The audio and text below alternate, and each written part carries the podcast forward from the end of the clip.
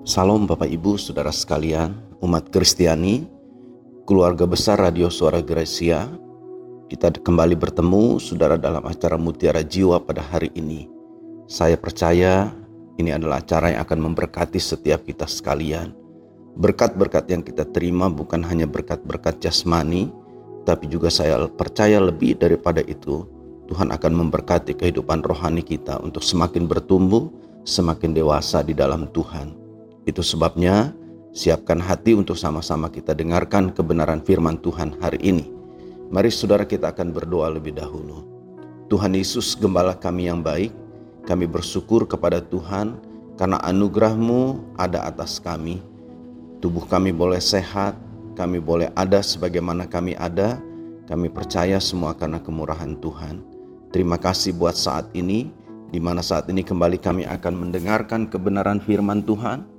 Mari kiranya Tuhan berbicara kepada kami, arahkan hidup kami, bawa hidup kami untuk semakin berkenan seperti yang Tuhan kehendaki. Tuhan tolong kami, urapi kami, mampukan kami untuk mengerti setiap kebenaran firman. Bapa, tolong hambamu untuk dapat menyampaikan kebenaran firman ini seperti yang Tuhan mau. Supaya seluruh pendengar di mana pun juga mereka mendengarkan siaran ini, mereka diberkati, dikuatkan, dan dibawa dalam kehidupan yang berkenan kepada Tuhan. Terima kasih Tuhan Yesus. Kami dengar, kami siap menerima kebenaran firman-Mu. Di dalam nama Tuhan Yesus. Haleluya, haleluya. Amin. Bapak Ibu, Saudara sekalian, pada hari ini saya ingin mengajak saudara untuk merenungkan kebenaran firman Tuhan dan saya memberikan tema hari ini membangun hubungan dengan Tuhan. Saudara-saudara, menjadi orang Kristen itu berarti menjadi pribadi yang memiliki relasi atau hubungan dengan Tuhan. Jadi, saudara, kekristenan itu ditandai dengan satu hal, yaitu menjalin, memiliki hubungan dengan Kristus. Kita tahu, saudara, hubungan manusia dengan Tuhan itu terputus sejak manusia jatuh di dalam dosa. Tapi kita bersyukur Allah mengasihi kita. Allah mengasihi saudara dan mengasihi saya. Dia kirimkan, dia berikan putranya yang tunggal, yaitu Yesus Kristus datang ke dalam dunia, mati di kayu salib, membereskan, menebus kita dari dosa. Sehingga Alkitab bilang, kita diangkat menjadi anak-anaknya, yaitu kita yang percaya dan menerima Yesus di dalam kehidupan kita. Jadi, saudara-saudara, ketika kita berkata bahwa kita ini adalah orang Kristen, berarti kita adalah orang-orang yang memang memiliki hubungan dengan Tuhan, hubungan yang sudah dipulihkan, hubungan yang sudah terjalin kembali, yang tadinya sudah putus karena dosa, maka sekarang terjalin kembali karena kita percaya menerima Yesus Kristus sebagai Tuhan dan Juru Selamat kita. Nah, saudara-saudara, jadi saya katakan tadi hubungan menjadi satu ciri yang yang pasti itu bahwa kita adalah orang-orang Kristen. Di dalam Alkitab, Saudara, kita temui ada banyak gambaran yang membuka kebenaran ini. Contoh, Saudara, saya sebutkan tadi bahwa Bapa adalah Allah kita. Allah kita, dia adalah Bapa kita, kita adalah anak-anaknya. Jadi kita disebut anak dia bapak. Maka kita lihat inilah hubungan. Juga Alkitab bicara tentang pokok anggur dan rantingnya. Yesus adalah pokok anggur, kita adalah ranting-rantingnya. Jadi kembali kita temui sebuah hubungan. Lalu juga saudara kita melihat Alkitab mencatat dia adalah gembala yang baik. Kita adalah domba-dombanya. Jadi kita lihat kembali di sini masalah hubungan. Lalu saudara kita juga membaca dalam Alkitab dikatakan bahwa dia adalah kepala, kita adalah tubuh.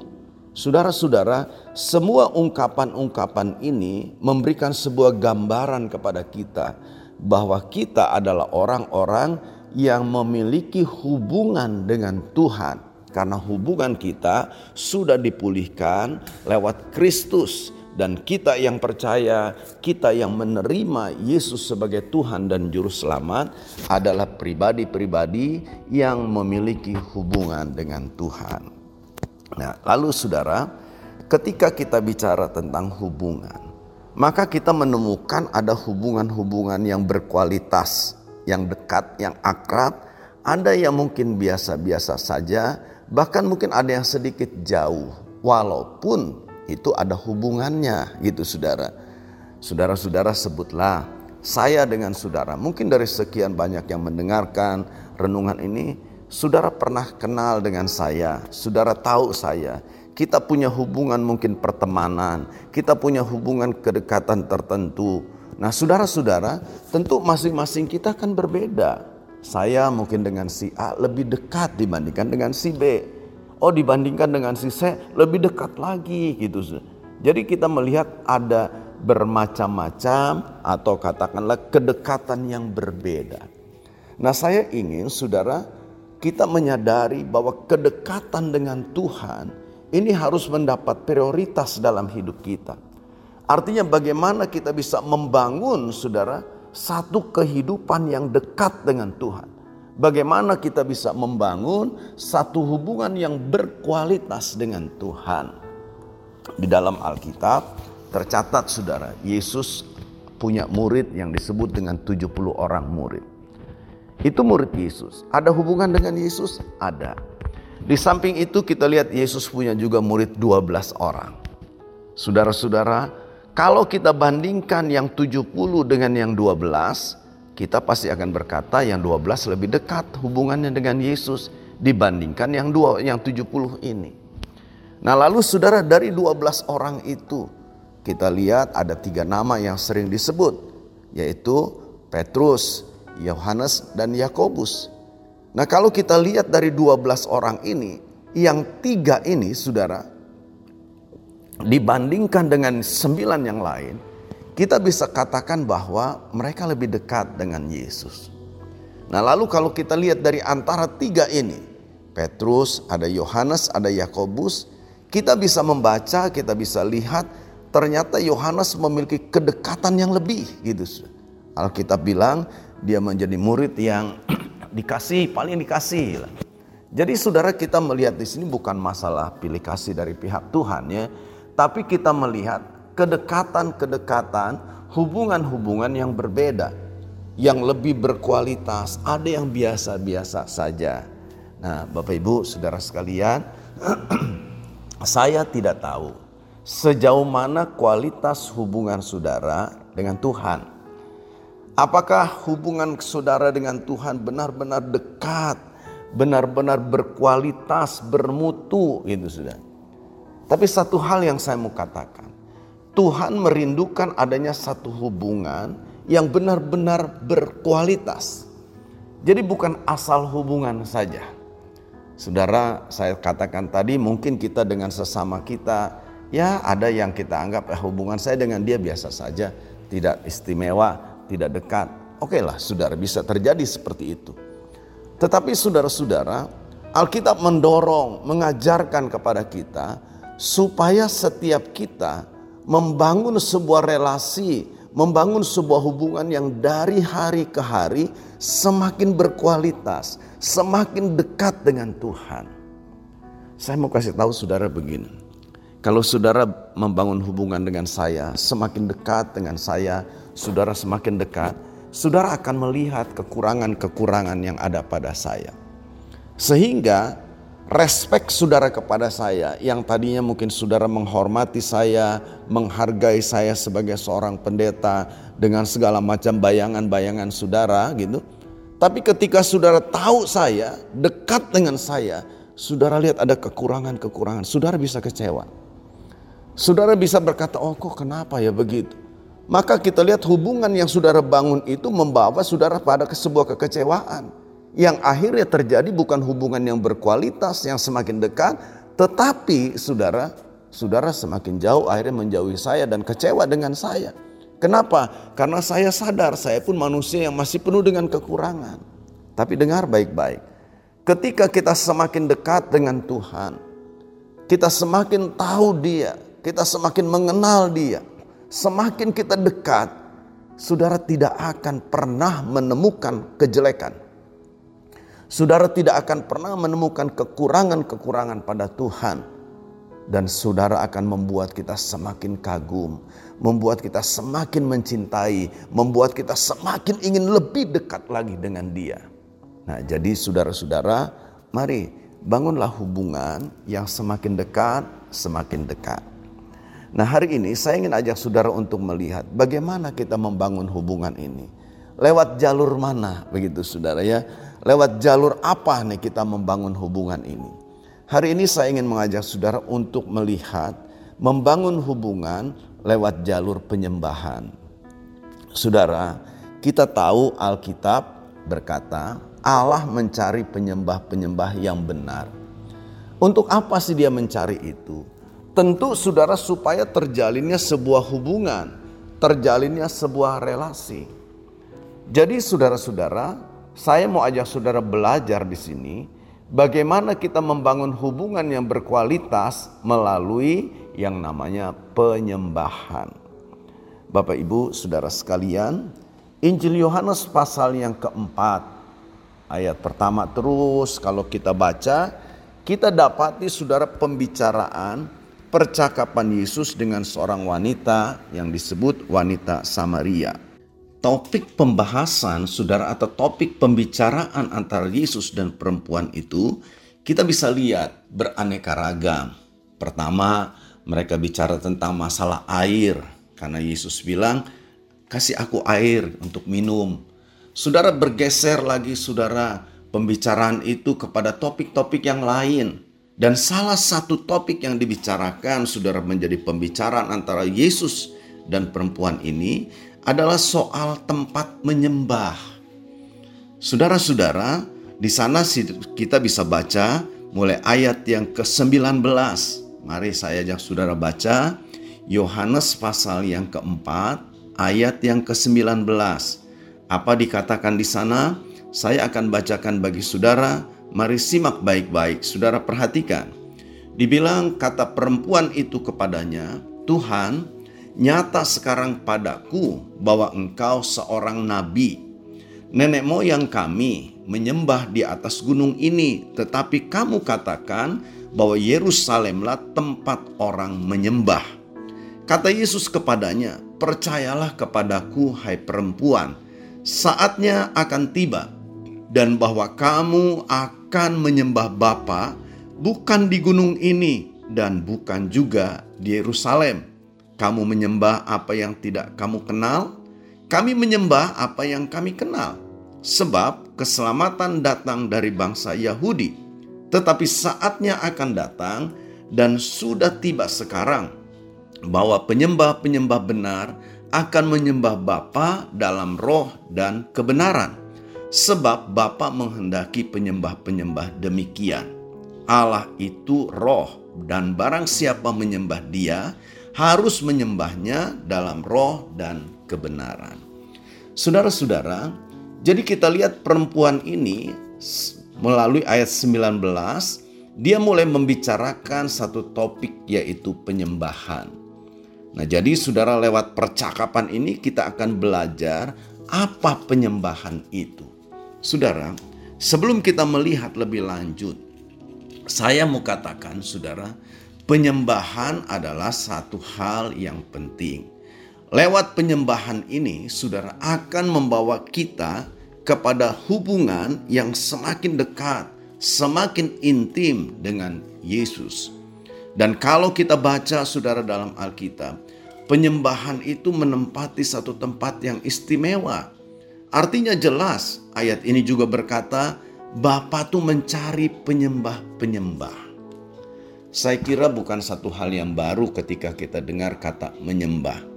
Nah, saudara-saudara, menyembah itu memang bukan hanya sekedar apa ya, sebutlah berkata haleluya, haleluya, bukan hanya sekedar itu. Tapi saudara menyembah harus mencakup seluruh kehidupan kita.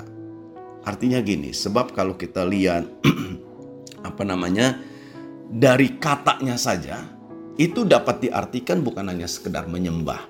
Jadi kalau kita baca, kita pelajari bahasa Alkitabnya, maka saudara kita lihat kata menyembah itu dapat juga berarti memuja, berlutut, membungkukkan diri, atau tersungkur. Nah jadi saudara bisa bayangkan situasi itu. Ketika seseorang tersungkur di depan kita gitu ya. Kira-kira apa yang sedang dia lakukan tuh saudara? Kenapa dia seperti itu? Nah kira-kira gambaran itu saudara yang dapat kita peroleh ketika kita datang di hadapan Tuhan. Jadi saudara-saudara, menyembah adalah sesuatu yang sangat penting. Saya membaca sebuah artikel yang ditulis oleh seorang yang bernama John Ortberg. Saudara John Ortberg dia berkata begini, "Saya perlu menyembah karena tanpa menyembah saya akan lupa bahwa saya disertai oleh Allah yang Maha Besar." Nah, kalau saya tidak menyembah jadi saya lupa. Maka kehidupan saya akan terus hidup dalam ketakutan. Lalu dia bilang, kalau saya tidak menyembah Tuhan, saya bisa melupakan panggilan saya. Akhirnya saya akan hidup dalam nafsu mementingkan diri sendiri, bukan kepentingan Tuhan. Dia bilang kalau saya tidak menyembah, tampak menyembah Tuhan, saya juga akan kehilangan rasa takjub, rasa kagum rasa syukur saya kepada Tuhan yang sudah memelihara, menolong, memberkati saya. Jadi Bapak Ibu Saudara sekalian, kalau kita dengar, kita perhatikan hal-hal ini, maka kita dapatkan yang namanya penyembahan itu benar-benar sesuatu yang penting. Nah, itu sebabnya dalam waktu singkat dan sederhana, saya akan coba jelaskan masalah penyembahan melalui konteks percakapan Yesus dengan perempuan Samaria ini. Yang pertama, saudara, perempuan ini berkata bahwa nenek moyang kami menyembah di gunung ini, di gunung Gerisim maksudnya. Tapi kamu berkata bahwa orang harus menyembah itu di Yerusalem. Saudara, ini perkataan dari perempuan ini. Perempuan ini menekankan soal penyembahan masalah tempatnya, yaitu di Gunung Gerisim. Orang Yahudi bilang di Yerusalem, karena di Yerusalem ada bait Allah. Tetapi jawaban Yesus, saudara, tidak membenarkan pendapat itu. Artinya saudara Yesus tidak bilang, oh iya silakan kamu menyembah di Gunung Gerisim. Nah kami orang Yahudi menyembah di Yerusalem. Tidak seperti itu. Tapi saya melihat Yesus meluruskan pernyataan wanita ini. Tuhan Yesus bilang, hai wanita dengar nih baik-baik. Percaya nih kepada omonganku. Bahwa akan tiba saatnya kata bahwa menyembah itu bukan masalah tempatnya, bukan masalah di gunung ini atau di Yerusalem. Tapi masalah penyembahan itu adalah masalah siapa yang kita sembah. Pengenalan kepada pribadi yang kita sembah itu yang lebih penting. Jadi menyembah, Yesus bilang, bukan soal tempat, tapi soal pengenalan. Saudara, saya ngerti bahwa tempat juga penting dalam arti oh nggak perlulah ada tempat gitu untuk kita menyembah bukan itu tapi saya mau katakan Yesus sampaikan hal yang mendasari sebuah penyembahan itu saudara penyembah menyembah Tuhan di gereja bisa di rumah bisa jadi di mana pun sebetulnya kita bisa menyembah Tuhan tapi persoalan yang utama apakah pengenalan kita saudara kepada pribadi yang kita sembah ini. Ini yang perlu kita pikirkan. Jadi saudara sebab Yesus bilang dalam ayat berikutnya, kalau saudara lihat ayat yang ke-22 itu, saudara, apa yang Yesus bilang? Kamu menyembah apa yang kamu tidak kenal. Tapi kami menyembah apa yang kami kenal. Jadi saudara-saudara, pengenalan kepada Tuhan ini harus menjadi dasar penyembahan kita kepada Dia. Bagaimana mungkin kita bisa menyembah dengan penuh hormat, dengan penuh kesungguhan ketika yang kita sembah ini kita tidak tahu, kita tidak kenal. Itu kan satu kebodohan, satu hal yang aneh sekali, saudara. Jadi saudara-saudara, penyembahan itu harus dibangun di atas dasar pengenalan kita kepada Tuhan. Saudara, pengenalan kita terhadap Tuhan ini akan mempengaruhi sikap kita, cara kita di dalam kita menyembah. ketika pengenalan kita semakin dalam, kita akan semakin kagum. Maka sikap kita, hormat kita pasti berbeda. Saudara-saudara, dengar nih baik-baik. Saudara-saudara, pengenalan kita terhadap dia itu pasti saudara akan mempengaruhi sikap kita. Sebab saudara, pengenalan itu akan mempengaruhi sikap kita kepada seseorang. Contohnya begini. Saudara-saudara, satu hari saya kumpul nih dengan teman-teman tidak bukan bukan teman-teman gereja maksudnya teman-teman sekolah waktu dulu saya ada di SMP sudah. Kan karena saya sekolah di negeri sebagian besar lah saudara teman-teman saya bukan orang Kristen. Ada satu dan dua. Nah pada waktu kita kumpul ada barangkali sekitar 20 orang lebih lah saudara. Kita kumpul-kumpul. Nah di antara mereka itu memang ada dua orang yang adalah orang Kristen sama dengan saya. Mereka tahu saya sekarang sebagai pendeta. Wah saudara karena kita lama nggak ketemu kita kumpul wah ngomong seenaknya bercanda segala macam lah begitu dengan kata-kata yang ya berbau-bau hal yang tidak baik lah begitu saudara ya. Nah saudara-saudara jadi ya mereka ketawa dan sebagainya. Tapi anehnya begini saudara ketika teman yang Kristen ini berkata eh jangan ngomong kayak gitu nggak enak ada pendeta kan. Saudara mereka bingung siapa yang dimaksud pendeta gitu kan. Nah saudara Lalu teman yang satu itu, si Ferry itu sekarang jadi pendeta. Nah, Bapak Ibu Saudara sekalian, ketika mereka dengar itu, entah bagaimana saudara, obrolan itu berubah nuansanya begitu saudara. Ya tadi yang ngomongnya sedikit ada kotor-kotor lah gitu. Sekarang sedikit berubah gitu kan. Jadi kata-kata yang digunakan juga baik, bercandanya juga saudara lebih baik. Nah artinya begini saudara. Ketika kita tahu, ketika kita kenal pribadinya, ini kan jadi mempengaruhi sikap kita. Jadi demikian juga halnya saudara dengan Tuhan.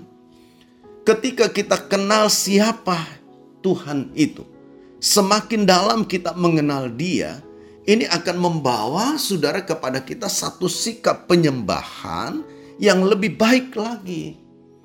Itu pasti deh saudara. Kan saya bilang tadi, semakin kita kenal dia, kita tidak akan temui adanya kekurangan-kekurangan, kita tidak akan pernah temui adanya kelemahan-kelemahan, kejelekan-kejelekan, tapi justru akan kita temui hal-hal yang jauh lebih mulia, lebih indah daripada yang selama ini kita kenal. Saya kasih contoh saja dari Alkitab. Saya bilang tadi, murid yang sangat dikasihi itu adalah Yohanes. Saudara dapat kita katakan setiap hari katakan begitu. Yohanes itu kan bersama-sama dengan Yesus. Dia tahu, dia kenal, saudara dia benar-benar mengerti gitu kan siapa Yesus sehari-hari terus kurang lebih selama tiga setengah tahun saudara ada bersama-sama Yesus. Tapi saudara lihat, saya tidak pernah apa namanya membaca dalam Injil, saudara Bagaimana sikap Yohanes ini dia tersungkur, dia menyembah. Kan sepertinya biasa saja dalam arti kedekatan ya kedekatan biasa. Tetapi apa yang terjadi? Kalau kita melihat saudara, ketika dia ada di pulau Patmos. Ya saudara, saudara bisa baca dalam kitab Wahyu itu. Saudara-saudara, dia melihat sesuatu yang begitu luar biasa. Dia berjumpa dengan sang firman itu. Dia bertemu saudara dengan Yesus Kristus itu. Dan Alkitab bilang saudara, ketika dia bertemu dia benar-benar tersungkur gitu. Jadi ada satu sikap yang berbeda ketika waktu Yesus masih ada bersama-sama dengan Yohanes dalam kehidupan sehari-hari. Kenapa bisa berbeda begitu? Kita ngerti saudara waktu Yesus ada dalam dunia selama katakan tiga setengah tahun bersama-sama mereka, kan Yesus juga sebagai manusia 100%. Dia sebagai Allah 100%. Jadi dia membatasi dirinya katakan. Tidak menyatakan dirinya dengan keberadaan yang sesungguhnya sebagai Allah. Nah itu sebabnya ketika Yohanes saudara melihat keberadaan Yesus. Dia mendapatkan satu pribadi yang begitu luar biasa. Satu pribadi saudara yang benar-benar berbeda. Apa yang terjadi saudara? Dia tersungkur. dia tersungkur saudara, dia menyembah dengan cara yang tidak seperti biasanya. Nah, jadi saudara-saudara, dengan kata lain, ketika kita mengenal semakin dalam kepada pribadi yang kita sembah ini, saudara-saudara, itu akan membawa penyembahan kita lebih berkualitas. Untuk itu, saudara, mari kenalilah Tuhan Kenali Tuhan dengan sungguh-sungguh, baca Alkitab dengan sungguh-sungguh, bangun penyembahan ini. Nanti kita akan semakin kenal nih saudara. Kita akan semakin kenal, kita akan semakin kenal. Semakin kita mengenal, maka semakin berkualitas penyembahan kita kepada Tuhan. Saudara-saudara, jadi penyembahan bukan soal tempat. Pak, apakah penyembahan harus di gereja? Boleh di gereja, di rumah, boleh di rumah. Jadi di mana pun kita bisa menyembah dia. Tapi saya percaya dan saya mau katakan, biarlah penyembahan itu dibangun di atas dasar pengenalan terhadap pribadi yang kita sembah. Semakin kita mengenal dia, saudara akan memiliki sikap penyembahan yang berbeda. Penyembahan kita akan menjadi penyembahan yang berkualitas. Bukan cuma asal ngomong, bukan hanya asal ikut-ikutan, bukan seperti itu. Yang kedua, saudara, yang ingin saya sampaikan, kalau kita kembali, saudara, ke percakapan Yesus dengan wanita ini, maka kita lihat, saudara, bahwa dibilang Yesus bilang akan tiba saatnya, dan itu sekarang sudah tiba, yaitu penyembah-penyembah benar, dibilang akan menyembah Bapa di dalam roh dan kebenaran. Sebab dibilang penyembah-penyembah yang seperti itulah yang memang dicari oleh Tuhan. Jadi yang kedua kita melihat, saudara, yang pertama tadi soal pengenalan. Tapi penyembah yang kedua yang kita pelajari ini, dikatakan oleh Yesus, Bapa mencari penyembah-penyembah yang benar. Yang benar itu yang seperti apa? Berarti kalau ada yang benar, ada yang salah gitu saudara. Kalau ada yang benar, ada yang salah, atau ada yang sejati, ada yang imitasi. Nah, saya mau saudara kita tentu bukan menyembah Tuhan dengan penyembahan yang imitasi, nyontek ikut-ikutan saja, tidak begitu. Tapi saudara, biarlah penyembahan ini merupakan satu penyembahan yang berkualitas, yang murni kita persembahkan kepada Allah, kita lakukan terhadap Allah. Nah, itu sebabnya Yesus bilang begini, yang dicari oleh Bapa itu penyembah-penyembah yang sejati penyembah-penyembah yang memang benar. Dan itu adalah penyembah-penyembah yang menyembah Allah di dalam roh dan kebenaran. Bapak Ibu, saudara sekalian, saya percaya ayat ini tidak asing bagi saudara. Saudara mungkin juga pernah dengar khotbah, pernah dengar penjelasan dari ayat ini. Oke lah saudara, apa yang mau saya jelaskan, anggaplah ini sebagai sesuatu yang melengkapi atau mengingatkan kembali apa yang sudah saudara dengar. Bapak Ibu Saudara sekalian, jadi Yesus katakan, kalau kita mau menyembah, penyembahan yang sejati itu adalah penyembahan dalam roh dan kebenaran. Nah, kita akan coba lihat, saya akan coba jelaskan secara singkat dan sederhana menyembah dalam roh dan kebenaran. Ada orang kadangkala beranggapan menyembah dalam roh itu berarti menyembah dengan berbahasa roh. Bapak Ibu Saudara sekalian, menyembah dengan berbahasa roh saya tidak anti. Boleh saja saudara Alkitab mengajarkan begitu.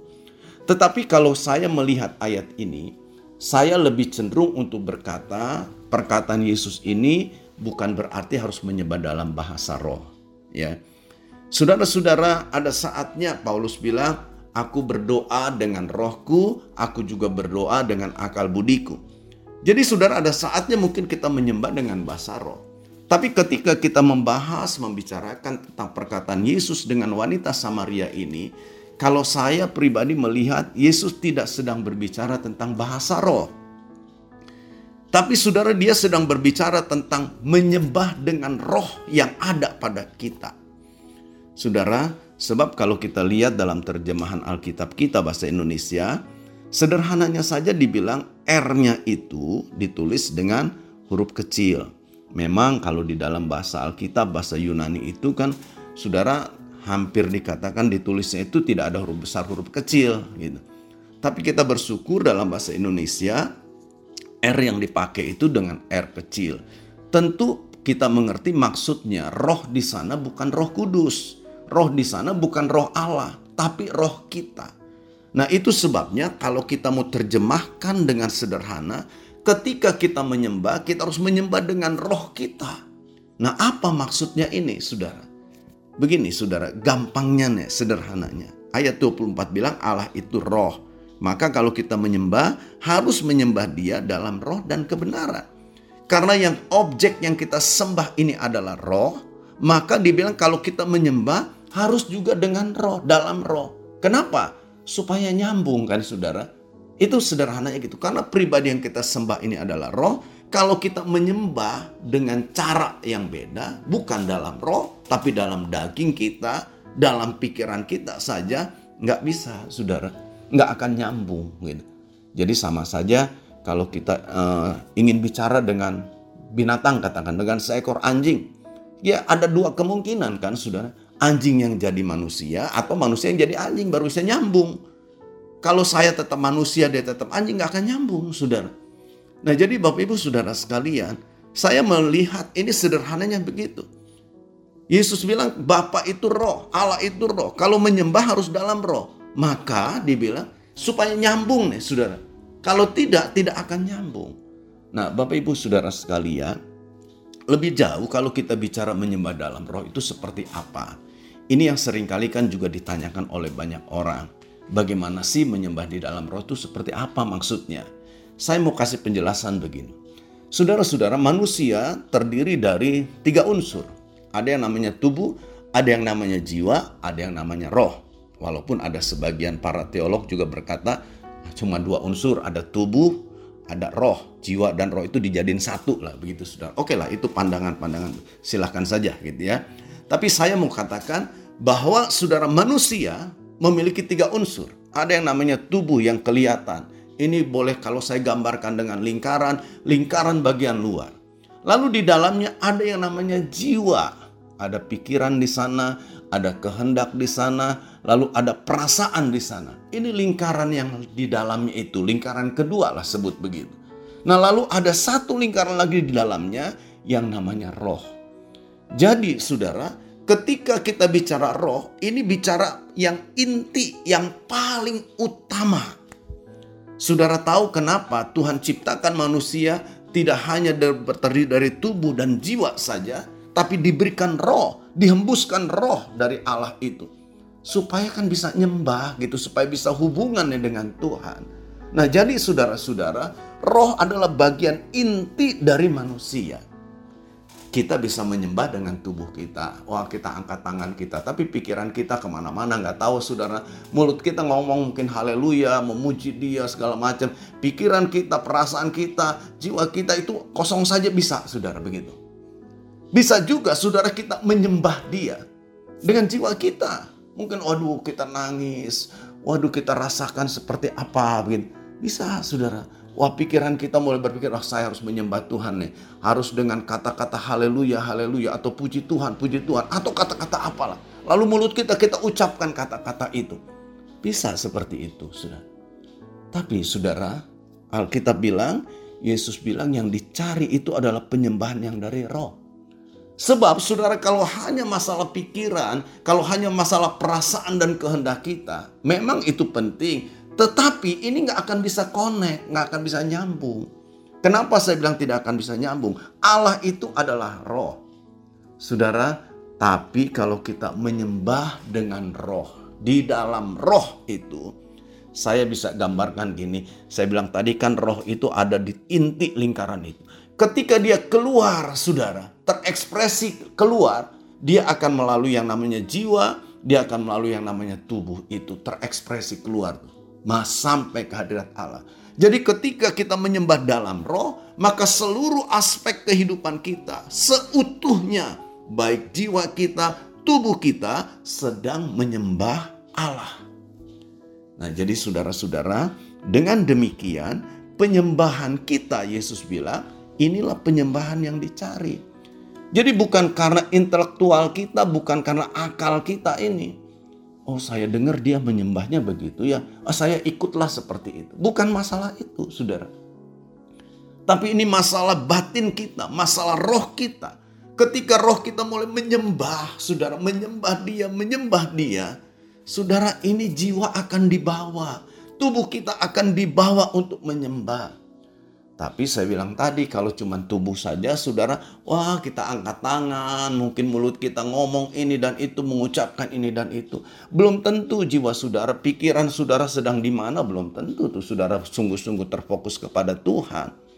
Tapi ketika penyembahan itu lahir dari roh kita, maka dia akan membawa jiwa kita, dia akan membawa seluruh tubuh kita segenap keberadaan kita ini untuk fokus menyembah Allah.